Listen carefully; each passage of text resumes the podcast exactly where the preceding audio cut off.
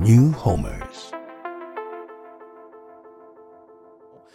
Dzisiaj jadąc tutaj, może to taka drobna jungowska synchroniczność, natrafiłem gdzieś w mediach społecznościowych na cytat z mistrza Eckharta, który mówi właśnie o e, tym, czy przestrzega przed budowaniem takiego idealnego obrazu siebie, bo ten idealny obraz siebie zawsze się prędzej czy później zderzy z tym realnym.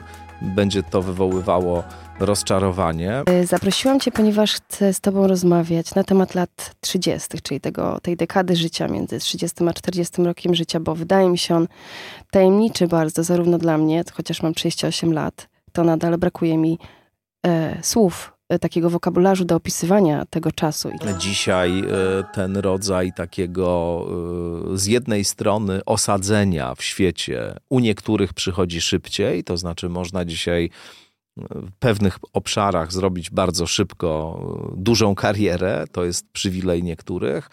Z drugiej strony e, nie przychodzi ono e, nawet u tych, którzy przekraczają kolejne etapy życia, bo świat jest coraz mniej stabilny i coraz trudniej bardzo wielu osobom się w nim e, ustabilizować. I myślałam cały czas o śmierci mojego ojca.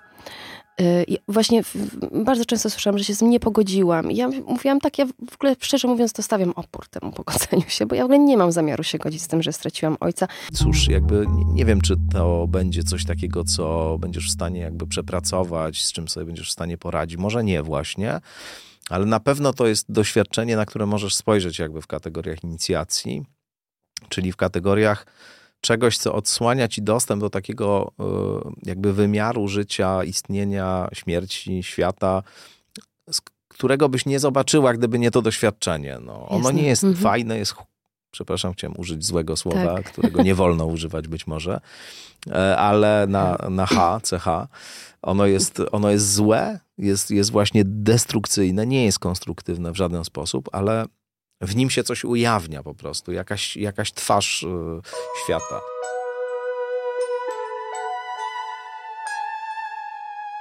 Cześć, z tej strony Ewa, balkoniara. Dzisiaj e, moim gościem jest Tomasz Stawiszyński, filozof i publicysta. Cześć Tomek. Cześć Ewa, dziękuję za zaproszenie. A bardzo Ci dziękuję, że, że tu do mnie przyszedłeś.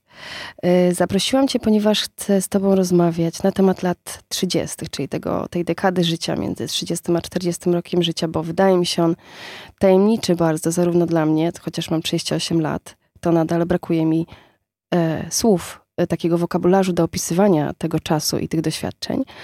Mm, I chciałam z tobą o tym okresie życia porozmawiać. Który masz, mam już za sobą. Masz już za sobą, masz 44 lata, ale pomyślałam, pięć. że... Pięć, przepraszam. Możemy jakoś tak e, również... E, wydaje mi się, że ten przedziwny czas dotyczy również i ciebie, z racji tego masz 45. Takie mam podejrzenie, oczywiście. Um, to po pierwsze, a po drugie pomyślałam sobie jakoś tak przekornie, kiedy myślałam o tych latach 30., to pomyślałam, że ja bym cię chciała zapytać o coś, co się z tobą zupełnie nie kojarzy, czyli o, o optymizm i taką witalność i nadzieję i te wszystkie wiesz, rzeczy, które właściwie pozwalają nam przeżyć ten trudny moment zmian. Czym jest optymizm w ogóle według ciebie? No, słusznie mówisz, cieszę się, że się nie kojarzy raczej ze mną e, optymizm i te pozostałe określenia, choć akurat jeśli chodzi o witalność, to bym nie miał mhm. specjalnych wątpliwości. Nic przeciwko witalności nie mam. E, ale rzeczywiście optymizm, nadzieja to nie są takie pojęcia, które by mnie jakoś e, interesowały, a wręcz wydaje mi się, że niekiedy one prowadzą do frustracji raczej niż do Aha. czegoś pozytywnego, ale to głównie z tego powodu, że mamy w nich taką e, wizję e, tego, jak być powinno, jak może będzie, jak mhm. byśmy chcieli, żeby było. E, I, I, tego, z tego czynimy taki ośrodkowy punkt, czy, czy ciężar główny, ośrodek ciężkości. Tymczasem mi się wydaje, że raczej oddala nas to wtedy od tego, co jest faktycznie dookoła i w mhm. nas, i na zewnątrz a y, to finalnie zawsze się będzie rozchodziło. To znaczy, istnieją oczywiście takie momenty, kiedy nasze pragnienia y, i rzeczywistość, w której jesteśmy, mhm. się spotykają, ale najczęściej jest tak, że się jednak rozchodzą. rozchodzą. I mhm. myślę, że w dużym stopniu rodzi się z tego frustracja właśnie, że nam się te idealne wyobrażenia z rzeczywistością mijają. Dzisiaj jadąc tutaj, może to taka drobna jungowska synchroniczność, natrafiłem gdzieś w mediach społecznościowych na cytat z mistrza Eckharta, um, przeciwstawiony zresztą Jordanowi Petersonowi. Mhm. E, cytat z mistrza Eckharta, który mówi właśnie o e, tym, czy przestrzega przed budowaniem takiego idealnego obrazu siebie, bo ten idealny obraz siebie zawsze się prędzej czy później zderzy z tym realnym, będzie to wywoływało rozczarowanie. No a mm, przeciwstawione to było takiemu wezwaniu Petersona właśnie do tego, że musisz ten ideał mieć i do niego dążyć i go spełniać. Mhm. Mm, mi jest bliżej tutaj zdecydowanie do, do mistrza Eckharta. Mm, mam wrażenie, że te idealizacje nam jednak e, wiele zaciemniają, Aha. oddalają nas od siebie i świata. No, Peterson to bardziej niczeanista w gruncie rzeczy niż człowiek mhm. zakorzeniony w tradycji psychoanalitycznej, chociaż się do tej tradycji przyznaje, do jungowskiej właśnie, do tych inspiracji, ale, ale raczej taki neoniczeanista. No, w każdym razie tyle ode mnie a propos mhm. tego właśnie, co, co ciekawe, mm, bo e, jak o tym powiedziałeś, to pomyślałam, kurczę, chyba mi jest blisko do Jordana Petersona, o co bym się najczęściej nie podejrzewała. E, ale właśnie w tych latach 30. i 40. tak mi się, wiesz, ja tam tak, mam takie skojarzenie, że to jest taki moment, kiedy musisz odnaleźć ten nowy powód do tego, żeby być sobą. Mm. I nowy powód, żeby w ogóle badać, kim jesteś i sprawdzać, co się stało z twoimi wartościami. Dlatego, że przestajesz być już młody. Znaczy, w moim mniemaniu przyzwoitym byłoby nie mówienie już o sobie jako sobie bardzo młodej, kiedy jesteś po trzydziestce, chociaż to nie jest popularna tendencja. Ale wiesz, ja odnalazłam coś innego w tych latach. Właściwie dokładnie chyba to, o czym pewnie co Peterson mógł mieć na myśli, czyli taką... Um, taką odwagę do tego, żeby z tym swoim marzeniem na swój temat się mierzyć i że te lata 30 dało mi takie poczucie, że może ja właściwie mogę gdzieś jednak dosięgnąć. Mm. Bo to, co powiedziałeś o Eckharcie, kojarzy mi się z takim, wiesz, szczególności charakterystyczne dla dzisiejszych czasów, takiego odnajdywania takiej bezpiecznej przestrzeni w smutku, a może nawet w tym, o czym ty mówisz, bezradności. Że to jest taka przestrzeń nowego komfortu bezradność. Mhm.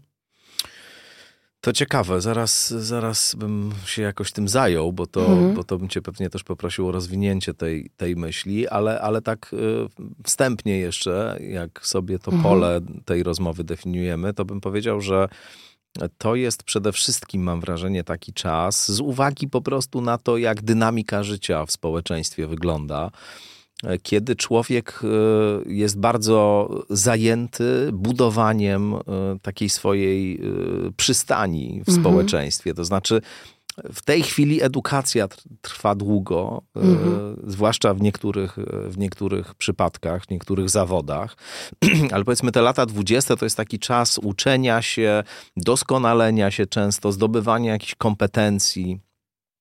Często też to jest w wielu e, przypadkach, bo tu cały czas trzeba pamiętać, że jak rozmawiamy o takich sprawach, to, to bardzo jest zróżnicowane. To znaczy, mhm. za, zależy, gdzie spojrzymy, w którym miejscu tak. całej społecznej maszynerii, to, to te sprawy mogą inaczej wyglądać, ale z grubsza powiedzmy.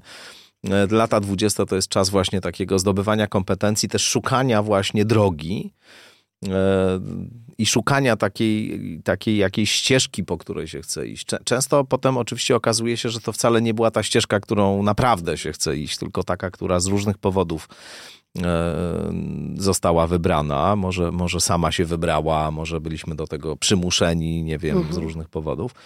No a ten czas właśnie e, po trzydziestce to jest czas y, no, takiego właśnie zdobywania pozycji, nazwijmy to. I takiego wtedy te, te, ta dekada jest taka niezwykle intensywna też z tego powodu, że się po prostu zazwyczaj pracuje, że się poświęca mm, w ogromnym stopniu właśnie czas i siły na to, żeby, żeby coś tam zbudować. No, no i potem mm, oczywiście też przychodzi moment po jakimś czasie, kiedy, kiedy już masz to wszystko, to jest właśnie z kolei 40-50 dekada. Mhm. No. Kiedy już jakoś tam coś zbudowałaś, no i teraz patrzysz na to z pewnej perspektywy, już wiesz, że generalnie to, co zbudowane, to wybudowane. Dziesięciu innych rzeczy już nie wybudujesz, bo generalnie każdy wybór to jest też jakaś seria strat, mhm. A, tutaj, a tutaj czas płynie i nie powtórzysz tego, co już kiedyś tam było. No więc jest ten moment pytania, czy ja właściwie zainwestowałem to wszystko w sposób sensowny, mhm. czy ja jestem z tego zadowolony, co mi wyszło, co mi nie wyszło, I kim jaki jestem jest bilans. Chyba, prawda? I kim Właśnie jestem. co się okazało. Tak, mój... I kim jestem.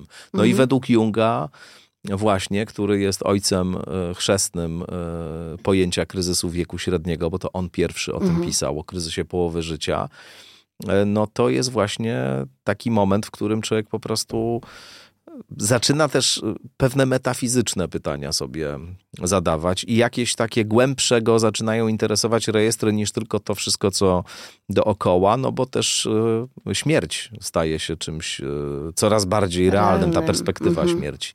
Myślę, że to się może dzisiaj w ogóle trochę przesuwać. To znaczy, że często dzisiaj e, ten rodzaj takiego e, z jednej strony osadzenia w świecie u niektórych przychodzi szybciej, to znaczy można dzisiaj w pewnych obszarach zrobić bardzo szybko e, dużą karierę, to jest przywilej niektórych. Z drugiej strony nie przychodzi ono y, nawet u tych, którzy przekraczają kolejne etapy życia, bo świat jest coraz mniej stabilny i coraz trudniej bardzo wielu osobom się w nim y, ustabilizować, znaleźć takie pewne miejsce. Y, I, I, dużo ludzi dzisiaj, myślę, doświadcza takiego poczucia, że, że po prostu nie, nie, nie, są zabezpieczeni, nie mają poczucia bezpieczeństwa. Więc to wszystko oczywiście są te różnice, o których, o których wcześniej była mowa, ale taką mapę rysując tych e, kwestii, to, to tak, bym, tak bym powiedział. Wiesz, z drugiej strony oboje jesteśmy osobami, znamy się nie od dziś, w notorycznych kryzysach i ciągłych, uporczywych pytaniach o tym, kim jestem właściwie na... Ja myślę, że to jest taki etap, wiesz, kryzysu średniego zawsze, który trwa non-stop. To znaczy takiej skłonności do tego, żeby się sobie przyjrzeć na każdym etapie twojego życia. Bo to ciekawe powiedziałeś o tym, że to przyglądanie się sobie i efektem swojej pracy jest po czterdziestce. A, I teraz pomyślałam, chyba masz rację, bo ten między 30 a 40 to jest taki ryzykowny czas działania, w którym przyglądam się siebie w, a, sobie w akcji. Jeżeli tak. masz szczęście, to możesz przygląda się sobie, kiedy działasz. Jeżeli nie masz szczęścia, to kiedy jesteś w jakiejś bierności. Ale wiesz, y, y, myślę sobie, że ta, ta w ogóle moja idea tego optymizmu y, i takiej witalności przyszła mi do głowy też w kontrze do takiej depresyjności. Do tego, że jestem bardzo blisko takiej terminologii, ale też takiego, takiemu stanu wewnętrznemu, takiego znużenia, tej bezrodności powtórzę, ale nie czuj, że to pije jakoś mm. bezpośrednio do, do tego, co, co dla ciebie jest istotne, ale mm, że jest nam łatwo popaść w ten stan, w którym już jakby wszystko zostało stracone. Mi się wydaje z kolei, że on nadchodzi bardzo wcześnie, to znaczy, albo on w, ogóle trwamy cały czas w takim poczuciu, a może nawet w komercjalizacji bezradności, też sobie o tym pomyślałam, bo wiesz, słuchałam y, po prostu twoich wywiadów ostatnio mm. I pomyślałam sobie, że ty dużo mówisz o komercjalizacji szczęścia, optymizmu, a pomyślałam sobie, a ja mam na przykład poczucie, że jest i komercjalizacja nieszczęścia, i bezradności, i takiego zwątpienia w siebie. Pewnie tak y, i, i pewnie w, w, różnych, w różnych obszarach by można wskazać tego mhm. typu y, i komercjalizację, i ideologizację. To znaczy też mhm. figura ofiary jako y, pewna figura ideologiczna, narzędzie budowania kapitału własnego, symbolicznego, to jest zjawisko nie od dzisiaj występujące w pewnych częściach zachodniej kultury. Jest taka bardzo dobra książka dwójki amerykańskich socjologów e, Campbella i Meninga e, The Rise of the Victimhood Culture to się mhm. nazywa. I oni właśnie tym się zajmują, to znaczy tym, jak upolityczniono, zideologizowano i użyto tej figury ofiary w, w pewnych językach, najpierw takich akademicko-lewicowych, a później no właśnie oni stawiają tezę, że mamy do czynienia z całą jakby kulturą zbudowaną właśnie w oparciu o taką figurę. Ale to, to oczywiście jest temat trochę na, na inne mhm. rozważania.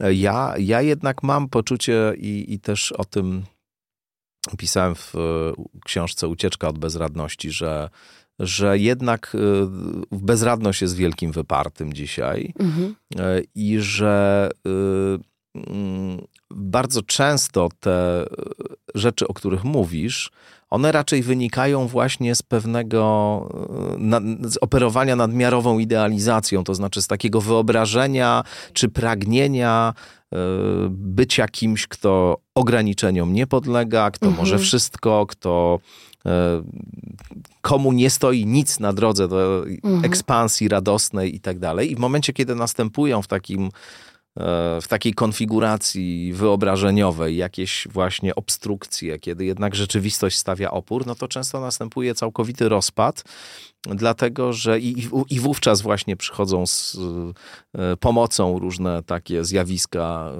e, skomercjalizowania tych, tych emocji czy odczuć, myślę.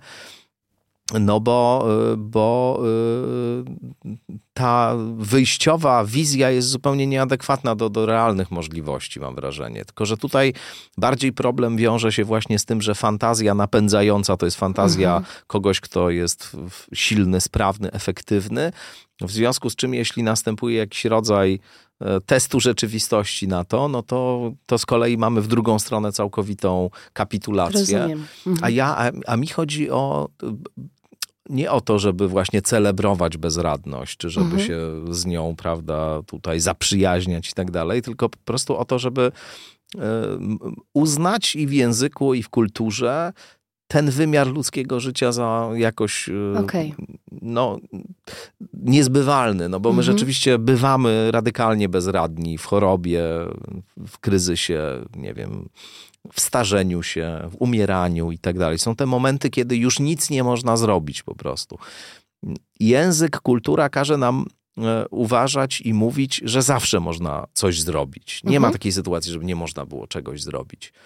No, moim zdaniem są takie sytuacje, że właśnie już nic nie można zrobić i to coś też mówi o świecie, o życiu, wiesz, o sytuacji naszej w związku z byciem istotą ludzką i tak dalej. Jest tam jakaś nieprzyjemna, ciemna, zimna prawda o tym też, co tak. życie, czym życie jest. I no i o, o, o to mi z grubsza tylko chodzi. Jak ty wspominasz tą w ogóle dekadę swojego życia między 30 a 40? No, była to bardzo intensywna dla mnie dekada pod wieloma względami. Ja w ogóle, wiesz, nie jestem może typowy do tego, żeby żeby, znaczy nietypowy, ale to może ciekawsze, bo, bo u mnie różne rzeczy jednak nie, nie przebiegają według tego wzorca, o którym wcześniej mówiłem, mhm. jungowskiego myślę. Mm, u mnie dużo rzeczy się dzieje z opóźnieniem, mam wrażenie, pewnym. Mhm. E, jako człowiek z Saturnem w szóstym domu w horoskopie, no muszę mieć takie, to mój przyjaciel Piotrek Piotrowski twierdzi, że to jest tego typu oczywista mhm. zależność. Nawiasem mówiąc, w ucieczce o bezradności jest też rozdział astrologii, e, który, który często wzburza niektórych, że jak mhm. można traktować to poważnie. No ja to traktuję poważnie, ale nie dlatego, że przekonuję tam, że to działa, tylko dlatego, że to jest bardzo poręczny język dzisiaj mhm. do, do myślenia i mówienia o sobie i nieprzypadkowo staje się to dyscyplina tak bardzo popularna znowu i tej popularności właśnie poświęcam ten rozdział, ale to dygresja. W każdym razie, słuchaj, wspominam go z jednej strony tak, jak mówiliśmy, to znaczy dla mnie to mhm. był czas takiego bardzo, no, bardzo intensywnego zaangażowania zawodowego. Mm, to był trochę też czas takiego zderzania się z różnymi właśnie iluzjami, rozczarowań, dużo myślę było. Mm, zaczęła się dla mnie ta dekada jakimiś takimi ogólnymi rozczarowaniami trudnymi wyborami co do tego właściwie, co mhm. robić, czy, czy, czy, czy, czy, czy, czy inwestować jakby w e, uczelnie, w taki świat akademicki, czy, czy właśnie do czego ostatecznie okoliczności życiowe mnie zmusiły właściwie no, iść w takie zarabianie pieniędzy, ale kosztem też różnych rzeczy. E, no więc e, to się tak zaczęło. I na pewno, mm, na pewno y, z jednej strony to właśnie było bardzo intensywne, bo ja bardzo dużo wtedy pracowałem, zwłaszcza w ty, tych pierwszych latach, powiedzmy do tak 30, e, tam 5, 6 roku życia, te pierwsze lata, wtedy pracowałem w Zacząłem właściwie w wieku 29 lat pracę w dzienniku e, Gazecie Prawnej i później do Newsweeka przeszedłem tak właśnie w okolicach mhm. 30 w 2008 roku.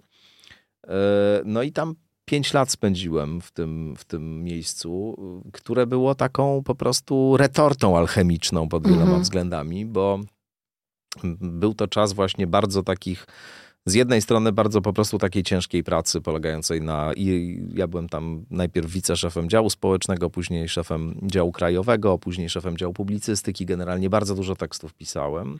Najpierw bardzo dużo tekstów redagowałem, później zacząłem pisać. No i, e, i to była praca pod bardzo dużą presją, w bardzo fajnym zespole, ale też z e, różnymi e, osobami na stanowiskach mhm. kierowniczych, które, co do których można by było mieć zasadne wątpliwości, e, zwłaszcza w kontekście dzisiejszych standardów, które jednak się trochę zmieniły. E, I, I, pod taką rzeczywiście bardzo silną i intensywną presją e, to, to, to, to, był, to był spędzony czas, ale to był dla mnie też na przykład czas takiej ogromnej nauki, to znaczy ja się tam też po prostu bardzo dużo nauczyłem, takiego pisania pod wymiar, pisania na czas, pisania pod ogromną presją, no takiego myślenia w ogóle o tekście jako, jako o czymś, co co jest pewnym, e, co ma pewną strukturę, co, co się rządzi jakimiś regułami, prawami i tak dalej. Ja na, generalnie zarabiałem pisząc już od tam 17 roku życia, co nie była dla mnie jakaś nowość, ale myślę, że wejście w taką strukturę po prostu i takie pisanie rzeczy bardzo wyraźnie sformatowanych, że to mi wiele dało. E, ale przypłaciłem to, myślę, jakimś takim, mm, wiesz, okresem też e, potem, kiedy, kiedy mm, przyszła ekipa Lisa do, e, do Newsweeka i tam wszystkich wywalili i w ogóle robili to w sposób obrzydliwy i brutalny.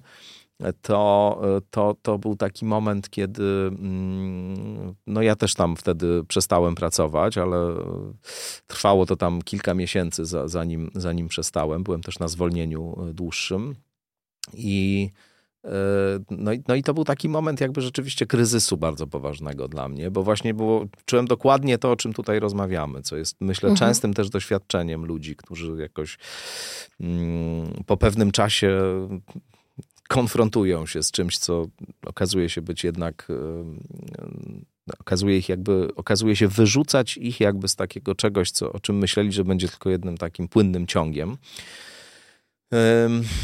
No ale potem, potem z kolei, potem z kolei to trochę potrwało, ale też napisałem książkę pierwszą w tym okresie takiego jednak za, załamania właśnie trochę i takiego poczucia, że ja już nie wiem, co ja będę robił w ogóle, że tutaj straciłem tą, e, że, że jakoś nie postawiłem na tą akademię, a, a to, mhm. na co mhm. postawiłem w ogóle poszło beznadziejnie. Pierwsze straty. Tak, tak, mocne to było doświadczenie. I też wy, wypadnięcie, wiesz, z takiego trwającego przez wiele lat bardzo intensywnego młyna po prostu, myślę, było mhm. Y, taką sytuacją, która też nagle powoduje, że wiesz, no jeżeli przez pięć lat po prostu od rana do wieczora, wiesz, w tygodniu cały czas pracujesz, to jest jakby twoja rzeczywistość główna, Moja główna taka stuprocentowa nie była. Zawsze miałem jakby inne rzeczy, które mnie interesowały, mhm. książki, które czytałem, jakieś swoje sprawy i tak dalej, ale to było na pewno coś, co mi pochłaniało mnóstwo czasu. No to to nagle nie wiesz w ogóle, co dalej robić ze sobą i świat się staje jakimś takim dziwnym miejscem. No ale potem, potem się z kolei zaczęło coś, co w zasadzie w dużym stopniu stało się dla mnie takim momentem przełomowym, czyli, czyli, czyli radio. W 2013 roku zacząłem robić audycję równo 10 lat temu. Audycję w radiu RDC wtedy, do której mnie zaprosiła Ewa Wanat. E, no i to pod wieloma względami był taki moment zwrotny u mnie, dlatego też, że to potem się jakoś stało dla mnie jedną z takich podstawowych działalności, właśnie ta podcastowo-radiowa, nazwijmy to droga. Później, kiedy przyszła dobra zmiana, to był kolejny zresztą moment taki, e, takiego tąpnięcia, bo, bo ja po prostu zdecydowałem po rozmowie z nowym tam prezesem, że, że muszę z tego po prostu wyjść, bo bo to będzie już tylko oznaczało jakąś de de degrengoladę kompletną. Y, widziałem, że tam nie ma przychylności żadnej dla, dla tego, co, co ja tam robiłem. Audycja już zyskała swoją publiczność, miała jakąś tam markę. To oczywiście było zawsze wszystko w pewnej niszy, ale, ale, ale jednocześnie no, pewna tam rozpoznawalność mhm. tej, tej audycji już się pojawiła i ona miała bardzo dobre, e, dobry feedback. Zresztą bywałaś też przecież w tej, w tej tak. audycji. No i potem, jak uznałem, że, że po prostu finito, no to też miałem moment taki. Tam jeszcze miałem różne przejścia osobiste wtedy. E, ale to się jakoś nakładało, ale mm, no rzeczywiście to był taki trochę skok, że dobra, odchodzę, bo nie chcę dalej tego robić, ale nie miałem jakby specjalnie żadnych żadnych opcji y, gotowych, y, ale od razu dostałem telefon z Tok FM dosłownie tego samego dnia, którego napisałem na Facebooku, że rezygnuję z tego. No i potem się ten tok zaczął i, e, i to był taki rzeczywiście moment, który, który był pod wieloma względami taki zwrotny. No. Czyli mówisz o takim czasie właściwie, kiedy coś e, odnajdujesz i gubisz, albo mhm. tak, dostaje ci dane i odebrane. Tak. Pamiętasz, co myślałeś e, na swój temat, albo w ogóle co w tamtym czasie było takim tematem przewodnim, który, który ci siedział w głowie? Hmm. Trudne pytanie. Pewnie było kilka rzeczy.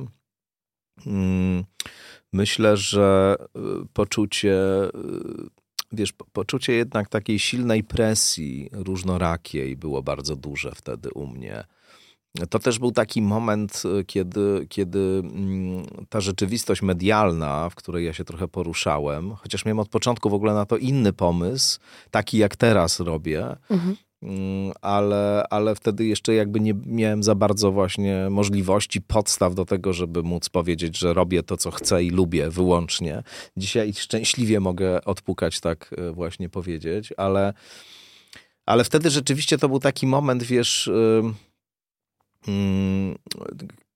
kiedy, kiedy ten kryzys y, rzeczywistości medialnej stawał się coraz bardziej wyraźny, to znaczy kiedy najpierw ta rzeczywistość gazet y, i rynku prasy papierowej, w której ja tam jednak funkcjonowałem, no właśnie się rozpadała, rozwalała.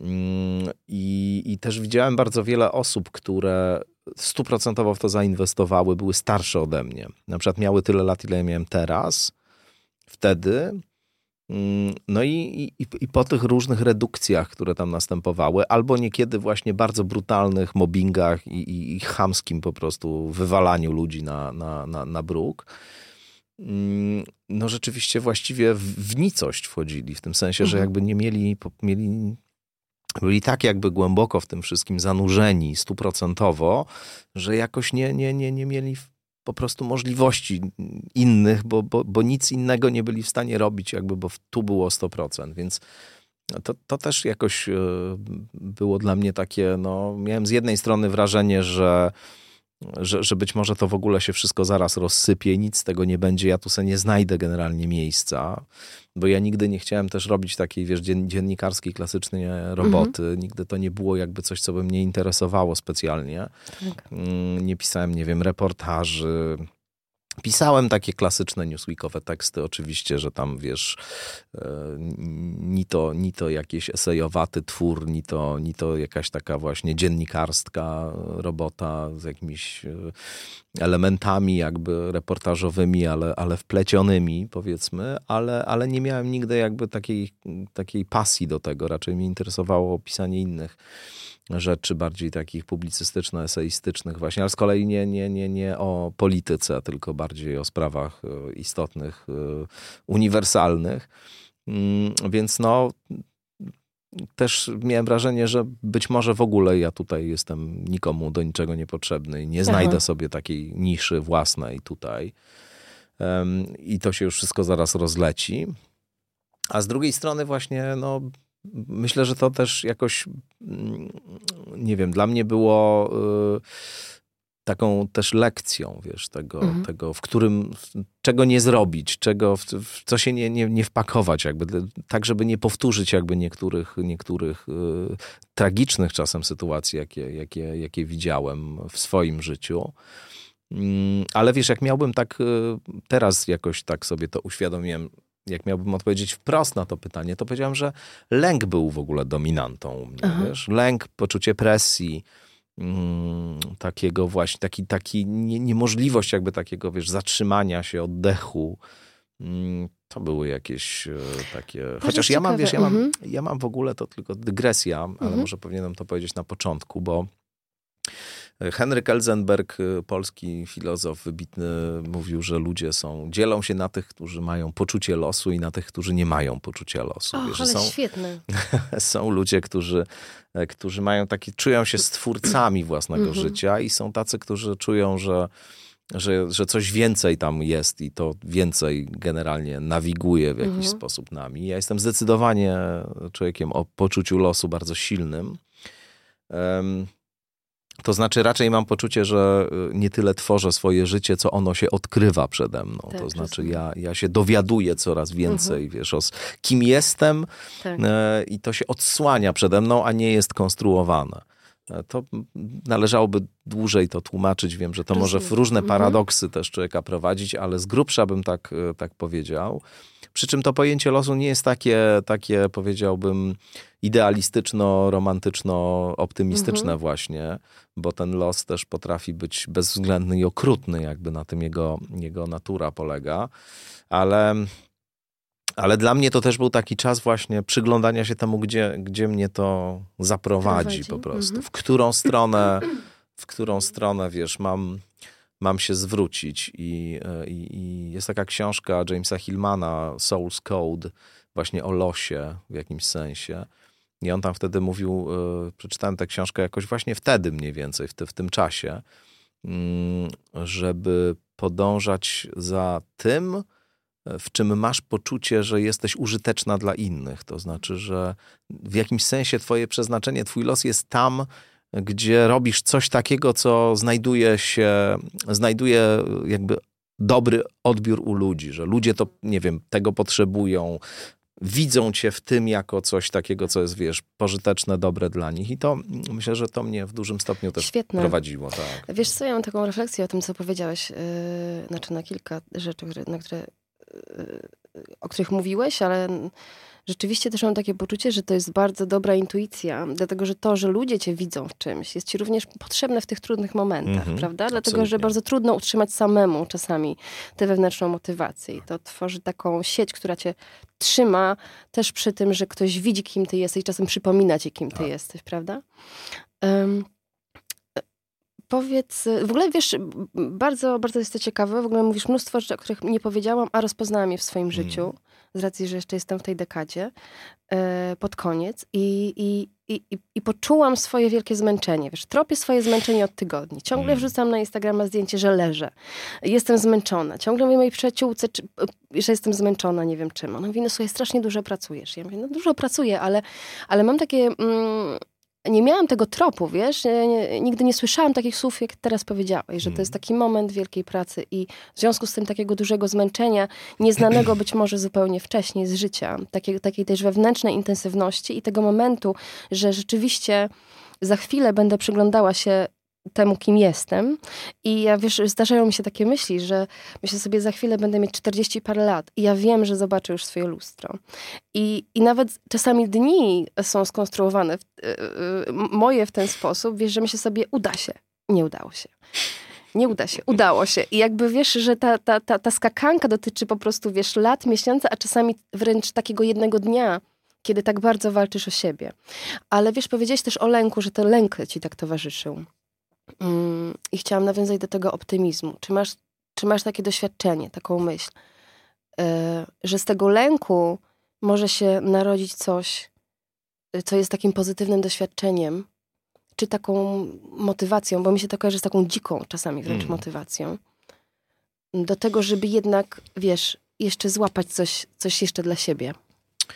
Słuchaj, myślę, że tak. I, I też e, u mnie to chyba tak właśnie wyglądało też w dużym stopniu. Mm, ja e, myślę w ogóle, że mm, tak sobie to jakiś czas temu uświadomiłem wyraźnie, że, że taką e, czymś, co, co na mnie zawsze działało jako taka, jak taki motor napędowy i to, to, co mnie tam prowadziło w różne miejsca i do filozofii, i do, i do mediów, i do, i do pisania książek, i do, nie wiem, podcastów i tak dalej to jest e, przede wszystkim potrzeba skomunikowania się z innymi, wiesz, jakby mm -hmm. takiego dotarcia do mm -hmm. innych, rozmowy z innymi, mm, dzielenia się czymś.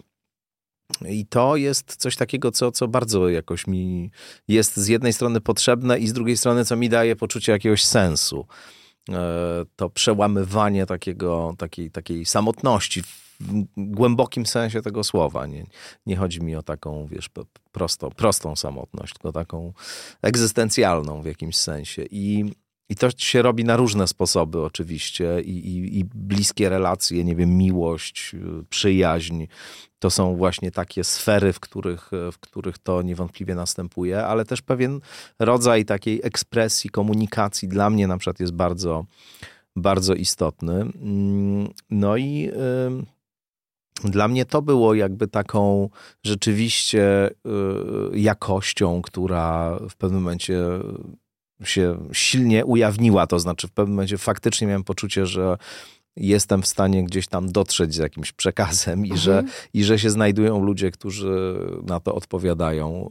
E, I to na przykład, na przykład była dla mnie ogromna jakby... Bezcenne, nie? Tak, tak. To znaczy to było coś, co, co realnie po prostu dało mi taką, wiesz, takie poczucie sensowności, motywacji. Do dzisiaj mi to daje. To znaczy nawet jak, wiesz, jak e, ja mam w ostatnich latach bardzo dużo różnych spotkań autorskich, które zazwyczaj są właściwie w 99,9 przypadkach wypełnione wyłącznie konstruktywnymi, życzliwymi e, mhm. sytuacjami. I, I to jest ogromna e, dawka takiego, takiej, takiego witalizmu właśnie dla mnie. To znaczy, wiesz, ja miewam różne, jako człowiek skłonny do melancholii raczej i, i właśnie e, wybierania raczej opcji czy scenariuszy w głowie, tworzenia na, naj, mhm. najgorszych i najstraszniejszych. E, choć to, to trochę się myślę zmienia w ogóle w czasie też, ale, ale na pewno no, no miewam czasem takie momenty jakiegoś po prostu całkowitego zwątpienia. Teraz jestem w takim stanie na przykład, że wiesz, poziom brutalności i takiego, takiego e, szaleństwa w dyskursie publicznym w Polsce w związku też z mhm. kampanią i tym wszystkim, co tam wokół tego rośnie w mediach społecznościowych jest przytłaczający po prostu i ten poziom takiego e, jakby bezwiednego e, osuwania się w fundamentalizm e, różnego typu, różnego rodzaju i po różnych stronach mhm. barykady jest e, bardzo przygnębiający. Wydaje mi się, że coraz gorzej z tym. Ale z kolei kontakt jednak z ludźmi, którzy, którzy, nie wiem, słuchają podcastów, którzy czytają książki, wiesz, i żywo to w nich jakoś działa i jest to dla nich jakoś istotne i, i przychodzą i dzielą się z tym, no jest zawsze czymś, co... Już ostatnio byłem w Szczecinie na spotkaniu autorskim, akurat nie mogłem tam zostać,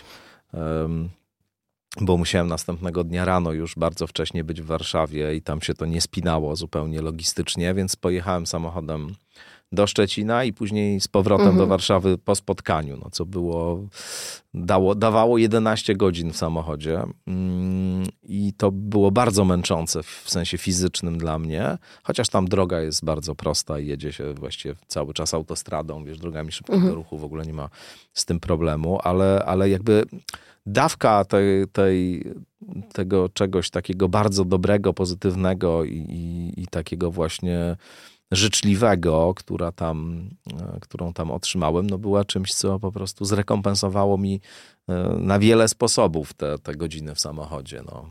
Więc... Wspaniałe jest to, że jednak po prostu ja się tego zupełnie nie spodziewałam, że im będę starsza, tym bardziej będzie zależało mi na tym, żeby móc poczuć się zaakceptowana, będąc sobą najbardziej mm. jak potrafię. Że to jest jednak być może coraz starszemu człowiekowi jakby coraz bardziej potrzebne. Nie wiem, to się okaże, ale tak jak patrzę na starszych ludzi i, i pierwszy raz w życiu um, mam, wydaje mi się, przed oczami jakiś ich lęk, to myślę, że on bardzo często do, dotyczy mm. akceptacji. Um, ale chciałam ci powiedzieć o czymś. A, chciałam cię zapytać, wiesz, czy, um, czy myślisz, że spotkanie z tą stratą, bo myślę o tej dekadzie 30 E, między 30 a 40 rokiem życia jako czasie pierwszych strat, niezależnie czy one są, e, no jest najwięcej rozwodów, e, tych strat zawodowych, o których mówiłeś.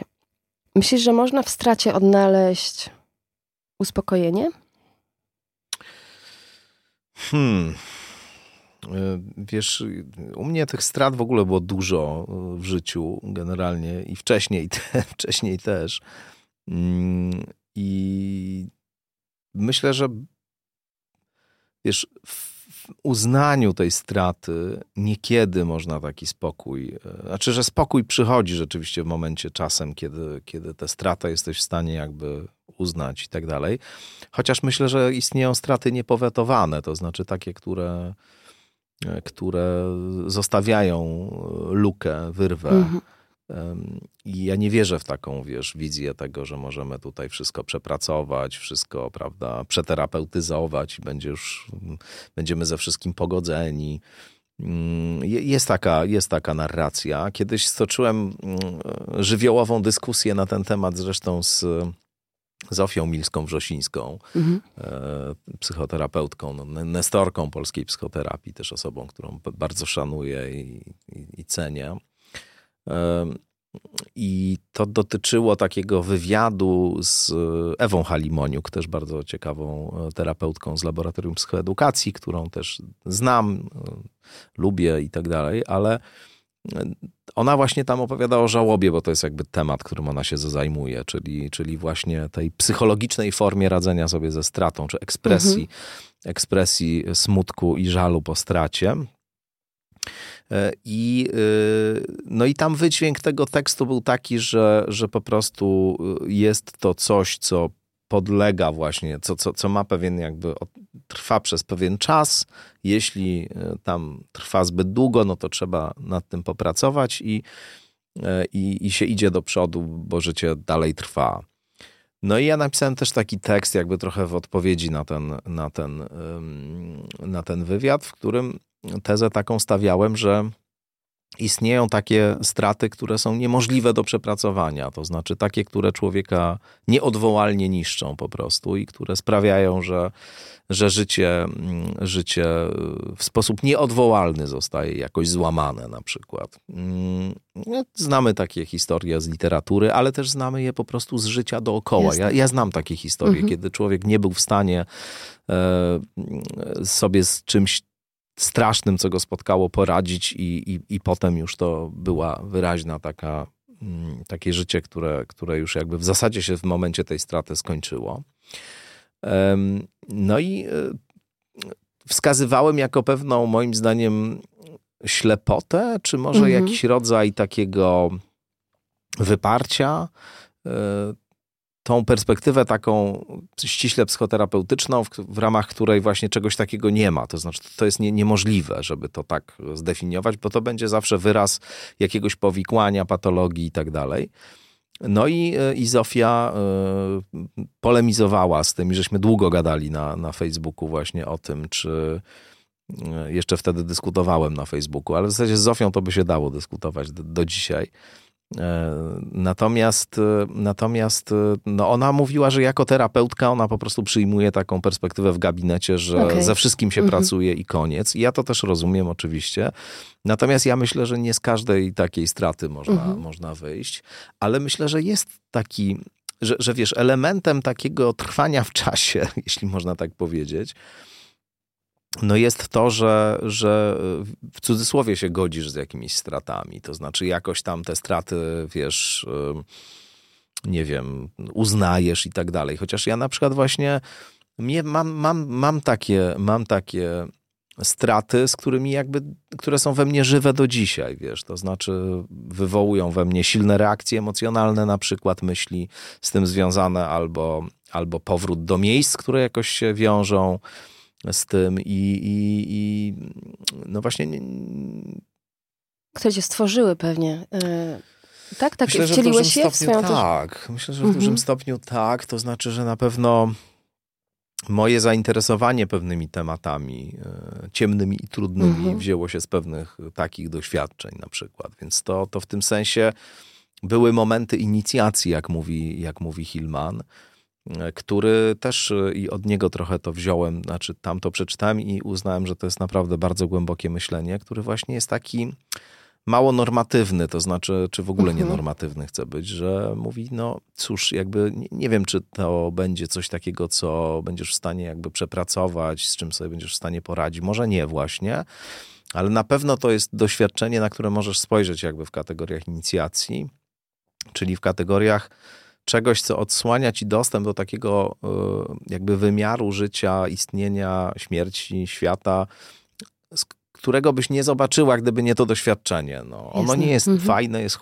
przepraszam, chciałem użyć złego słowa, tak. którego nie wolno używać być może, e, ale na, na H, CH, ono jest, ono jest złe, jest, jest właśnie destrukcyjne, nie jest konstruktywne w żaden sposób, ale w nim się coś ujawnia po prostu, jakaś, jakaś twarz y, świata. Mhm. To, to myślenie jest mi bliskie. Wiesz. W ogóle sobie pomyślałam teraz, y, wiesz, jak ja wiele książek przeczytałam dzięki tobie, bo właściwie Filmana odkryłam dzięki tobie, bo poleciłeś mm. mi go lata temu. Tak. Wiesz, zapytałam o to dlatego, że um, bardzo mocno identyfikuję tę dekadę jako właśnie czas y, tych strat. Mhm. E, być może dlatego, że um, zmarł mi ojciec i urodziło się moje dziecko. I wiesz, pamiętam taki moment, w którym e, mózg mi się rozjechał w dwie przeciwne strony. Zresztą wydaje mi się, że nawet, że być może nawet mogłam ci o tym wspominać. To znaczy pogodzenie tych dwóch doświadczeń, które dzieliło zaledwie kilka miesięcy, było dla mnie absolutnie nie do mm, zrobienia. To znaczy ono mnie napawało jakąś ekscytacją być może. Mm jakimś pomieszaniu z pewnością. Ale wiesz, y, ja przez lata tkwiłam w takiej stracie, opierałam się tej wizji psychologizacji, o której y, mówiłeś, bo staram się jej nie stosować do opisywania sobie świata. Um, albo przynajmniej po prostu wcielać jakąś inną. I myślałam cały czas o śmierci mojego ojca. Y, właśnie bardzo często słyszałam, że się z tym nie pogodziłam. I ja mówiłam tak, ja w ogóle szczerze mówiąc to stawiam opór temu pogodzeniu się, bo ja w ogóle nie mam zamiaru się godzić z tym, że straciłam ojca, ale nie tylko z tego gestu, takiego mojego wewnętrznego bólu, tylko w takim sprzeciwie wobec świata, że ja się na to nie godzę. Wiesz, w moim y, odczuciu dzisiaj y, to jest jakaś forma optymizmu, który ja, nie wiem, czy rozumiesz, mm. przewrotnie. Znaczy, ja powiedziałam, ja się na to absolutnie nie godzę, ponieważ ja czuję, że jestem tak bardzo żywa, że moja zgoda na śmierć po prostu mm. wynosi zero. Zero. I przez. Y, mój ojciec zmarł trzy lata temu, ale i wiesz, ja przez dwa i pół roku chodziłam z tą złością, taką, taką w moim poczuciu, taką chęcią wiesz, ja nie chciałam, ja czułam, że ja nie chcę sobie tego łagodzić, bo to mi się właśnie kojarzyło z tym, że ja chcę żyć i chcę, żeby mój ojciec żył. I ja bardzo cieszyłam się, wiesz, że chyba taką witalność, bo ja chyba mówiąc o optymizmie, mam na myśli taką właśnie witalność, taki sprzeciw wewnętrzny, taką swoją żywość, która się jest w stanie postawić jakimś smutnym faktom. I wiesz, e, właściwie moje uspokojenie nadeszło stosunkowo niedawno, e, kiedy, wbrew mojej woli, e, kiedy zaczęłam chodzić, wiesz, na halę mirowską. Spędziłam dzieciństwo na sprzedając warzywa, a potem kwiaty z moim ojcem. I ja w tej hali mirowskiej zobaczyłam bardzo dużo takich moich takich panów, którzy przypominali moich ojców, którzy nagle słyszałem jakieś takie słowo, które on mówił mój ojciec. Zobaczyłam jakąś twarz, jakiś wyraz twarzy, wiesz, jakąś minę śmieszną, takie, takie różne tragowe żarty. I jakoś tak myślałam, że jakoś się napełniłam tym moim ojcem, nie? tym życiem po prostu, bo zrozumiałam, że ja chcę za wszelką cenę, żeby coś z, z niego przetrwało, jak i również sama być może stawa, staje się coraz bardziej moim ojcem. To jest moje fundamentalne doświadczenie tej dekady yy, i yy, kojarzy mi się ono właśnie z utratą, która ma też ten odcień takiego takiego żywego sprzeciwu. Wiesz, ja chyba nawet w ogóle bałam się, że ja go stracę, że ja jestem w tym wieku, kiedy przy, przypisanym jest jakiś pragmatyzm, że ja utracę ten taki swój, wiesz, takie swoje nie. Ja się na to nie zgodzę i zobaczę, co dalej. Bardzo ciekawe. Mm, myślę o tym oporze, na ile y,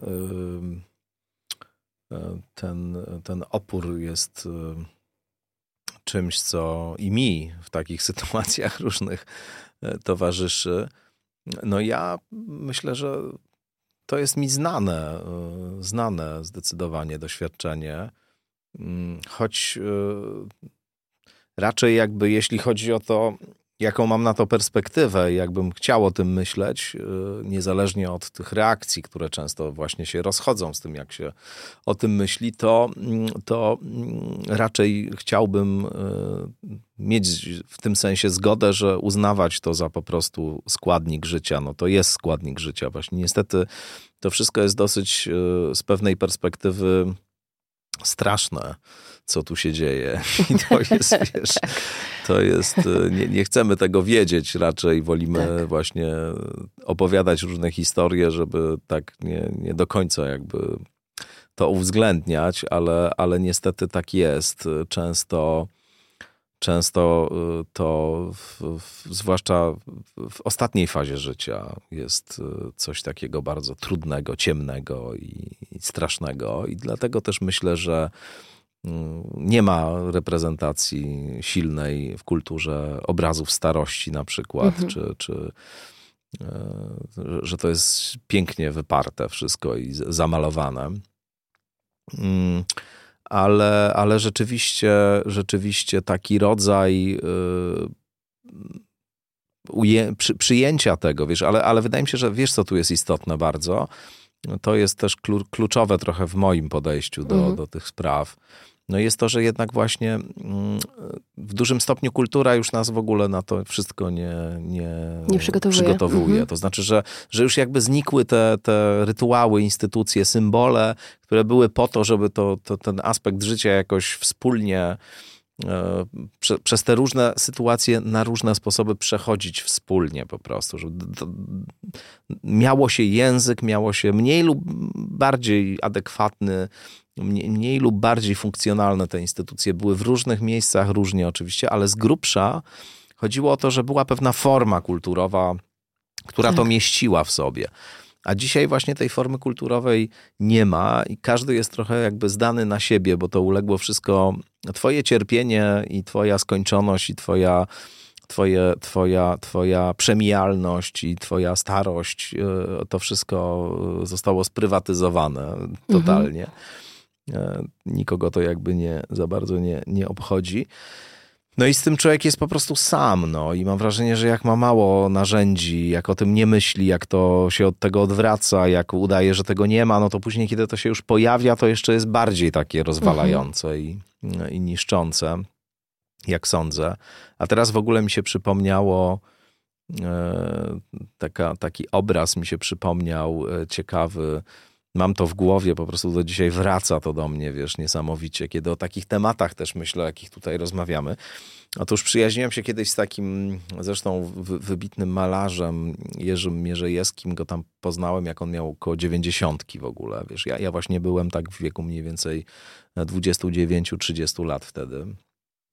No i, e, i, i, zachwycił się właśnie i odkrył e, Ludwika Wittgensteina. Mhm. I tam czytał po prostu traktat e, logiczno-filozoficzny z jakąś wielką namiętnością i bardzo mu się to podobało i chciał rozmawiać dużo na ten temat. To był człowiek niebywale witalny w takim bazowym sensie obdarzony ogromną taką ciekawością życia, wiesz, bardzo bystrym umysłem, też e, już bardzo schorowany wtedy, ale jeszcze funkcjonujący, jeszcze do pracowni jeździł, jeszcze tam coś malował i tak dalej.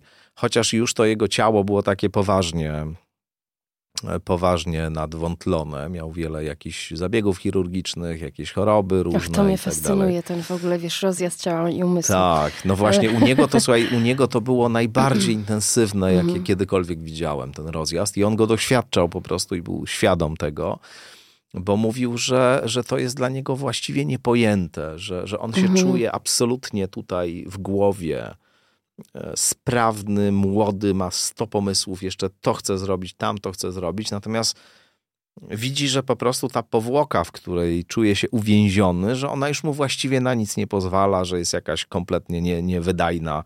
No i pokazywał mi zdjęcie swoje tam z lat trzydziestych, e, jak na plaży, e, wiesz, gdzieś chyba nad Bałtykiem, gra w siatkówkę i był takim prężnym młodzieńcem, po prostu świetnie zbudowanym, pełnym energii, siły. I mówi, że on tak siebie generalnie widzi i nawet nie wie, kiedy to się stało wszystko. Wiesz, że ma tak. takie poczucie, że to było wczoraj, e, to co tutaj a nagle on się znalazł gdzieś w jakimś miejscu, w jakimś ciele w ogóle, które nie jest jego. Tak. I wtedy zasiadał, tak pamiętam bardzo dobrze, z głową w e, dłoniach i wpatrywał się we mnie takimi niebywale bystrymi, mhm. przenikliwymi oczami i mówił, o kurwa, wiesz, po prostu, co to w ogóle, o co tu chodzi w tym wszystkim, wiesz. To mi na, na, na niesamowicie Świetne. utkwiło, wiesz, w mhm. ogóle w pamięci ten ten jego obraz. I, ale też to było pod wieloma względami przerażające, bo ja go właśnie pytałem na przykład o to, czy no to nie ma pan poczucia, że że jednak człowiek się z tym godzi wszystkim, że nie w ogóle odwrotnie, odwrotnie, tak odwrotnie. Myślę, też mam taką, tak, bardzo często mam taką myśl. Ona jest tak zaskakująca. Właściwie, kiedy jesteś młody, to myślisz, że to tak. przecież wszystko linearnie gdzieś tak. się do siebie dodaje. Nie? No, Jakby... Potem... Ale z drugiej strony mam też inny przykład, bo, bo się przyjaźnię też od lat z profesorem Bogdanem Chwedeńczukiem, który ma 85 już teraz lat i on jest takim mm, stoikiem po prostu. To znaczy, to on jest zupełnie jakby człowiekiem, który, który nie ma takiego sposobu myślenia. Jest bardzo też aktywny intelektualnie, ciągle czyta, pisze, wiesz, świetnej jest w ogóle formie. Mhm. Mm, a znam go no, od 25 lat, y, więc y, właściwie jak się poznaliśmy, to był około 60. Ja też byłem jego studentem, tam pisałem u niego pracę magisterską. Później no, latami się z nim e, po prostu regularnie, od lat się, się regularnie widuje. Mm, też się przyjaźnię z jego synem Jankiem Chwedeńczukiem, który jest profesorem fizyki. I no i, no i Bogdan ma właśnie taki rodzaj absolutnego, stoickiego sposobu myślenia. Miał zawsze. Kiedyś, kiedyś taki tekst napisał Śmierć w krzywym zwierciadle religii i mhm. tam stawiał tezę, że w ogóle ta cała ten cały ambaras z tą śmiercią to jest przereklamowany. Tak. Śmierć jest normalną sprawą. Wszystko mija, umiera, rodzi się i to jest w ogóle nie ma się co przejmować. A tylko tutaj e, ludzie wymyślili, żeby, żeby to e, najpierw e, przedstawić jako coś strasznego i przerażającego, a później, mhm. żeby reglamentować środki na uśmierzenie tego i przez to sprawować kontrolę nad innymi. No i, i tak normalnie to bym nie uwierzył, że ktoś tak może całkowicie mieć do tego tego typu podejście, mhm. ale ja już tego Bogdana Chwedeńczuka znam dosyć długo i wiem, że on ma taki rodzaj. Tak, tak, że on jest taki mhm. zupełnie, wiesz, poza tymi kategoriami też trochę, mhm. o których gadamy. Wiesz co, ja sobie chyba tak pomyślałam też o optymizmie, bo, bo dla mnie ten czas w życiu ostatnie lata są takim momentem, w którym ja uwierzyłam w coś, co usłyszałam również na studiach, czyli że ten cykl natury jest właśnie tak, jak mówisz, czyli śmierć, y, nie, odwrotnie. Właśnie chciałam powiedzieć, że chyba wygrałeś za chwilę, bo że, że, jest życie, śmierć i życie. Ja to poczułam dopiero, kiedy dziecko urodziłam. To znaczy, pomyślałam sobie, że wtedy, o, po pierwsze, że jestem nieśmiertelna i że jestem kobietą, to do, do, doświadczam tego zaszczytu w postaci tego, że ja naprawdę już zostałam przez biologię, dostałam taką gratyfikację, że mogę naprawdę umierać i możecie robić, co chcecie, nikt mi tego nie odbierze. Naprawdę pamiętam, jak poczułam to po, po porodzie wygrałam. E, ale nie to chciałam powiedzieć. To znaczy, chciałam powiedzieć, że czuję, że, że jakiś element, że naprawdę wygrałeś, bo jak. Bo tak mi przyszło, wiesz co, do głowy, że jestem przez całe życie na takim styku. A teraz, kiedy. A być może w ogóle tak jest, że się na przykład z dekady na dekadę wszystko w nas intensyfikuje, nie wiem. Że ja ciągle jestem na styku takiego przerażenia i wzruszenia. Być może to jest egzaltowane, niektórzy mi to zarzucają, ale że blisko jestem od tego przejścia z przerażenia w jakiś optymizm, żeby jeszcze coś złapać, wiesz, żeby zobaczyć jakąś jasną stronę. Bliskie ci jest to? Patrzysz, masz taki swój, taki wykształciłeś jakiś swój trik y, na to, żeby zobaczyć mm. coś jasnego mimo wszystko? Ja nie szukam tak za bardzo okay. jasnego. Y, wiesz, mam raczej przez długie lata już myślenia o tym, y, myślę tak skonfigurowany system poznawczy, że, że, że bardziej mam taki rodzaj mm, rzeczywiście myślenia o tym, który też w książkach czy, czy w tekstach przedstawiam. To znaczy, myślę, że, że ciemność jest e, równoprawnym składnikiem jak, na tych samych zasadach jakby funkcjonującym, co, co jasność tutaj. I mm, to, na co na pewno jakoś zwracam uwagę, to, to właśnie komunikacja, to wiesz, szukam, szukam jakby łączności, to jest coś, mhm. co jest istotne dla mnie. Jakiejś bliskości, pomocy, wsparcia, wiesz, to są rzeczy, które jakoś są ważne moim zdaniem w sytuacjach, kiedy ciemność e, dominować zaczyna nad, e, nad tym, co jasne. Mm, I tak, to tak, tak bym mhm. powiedział. Troski, bliskości. Mm, ale oczywiście wiesz, no, to też nie sposób jakoś nie mieć też takiego, takiego mm, poczucia, że no nie wiem, coś tam gdzieś z przodu jeszcze na ciebie czeka, że, że może warto jakby jakiś wysiłek poczynić, żeby jeszcze coś tam zdobyć czy osiągnąć, że, że właśnie wstawanie rano z łóżka jest e, czynnością ma, mającą jakiś, e, jakiś cel i, i, jakieś racje za sobą, więc to, to oczywiście nie jest tak, że ja nie, nie, nie doświadczam mhm. tych stanów. Też, też to jest jakoś dla mnie istotne, ale ale staram się bardziej jakby być przy tym, co w ogóle się dzieje dookoła, co jest tak, tu i teraz, niż, niż przy tym, co tam gdzieś no, będzie, będzie z przodu. No. Dziękuję Ci, Tomasz. Wielkim, dziękuję. Wielką bardzo. przyjemnością było dla mnie spotkać się z Tobą tutaj. I wzajemnie. I, bardzo Ci dziękuję. Y, I za to y, zbliżenie i zbadanie się słowami ponownie. Bardzo ładne określenie. Dzięki. Dzięki.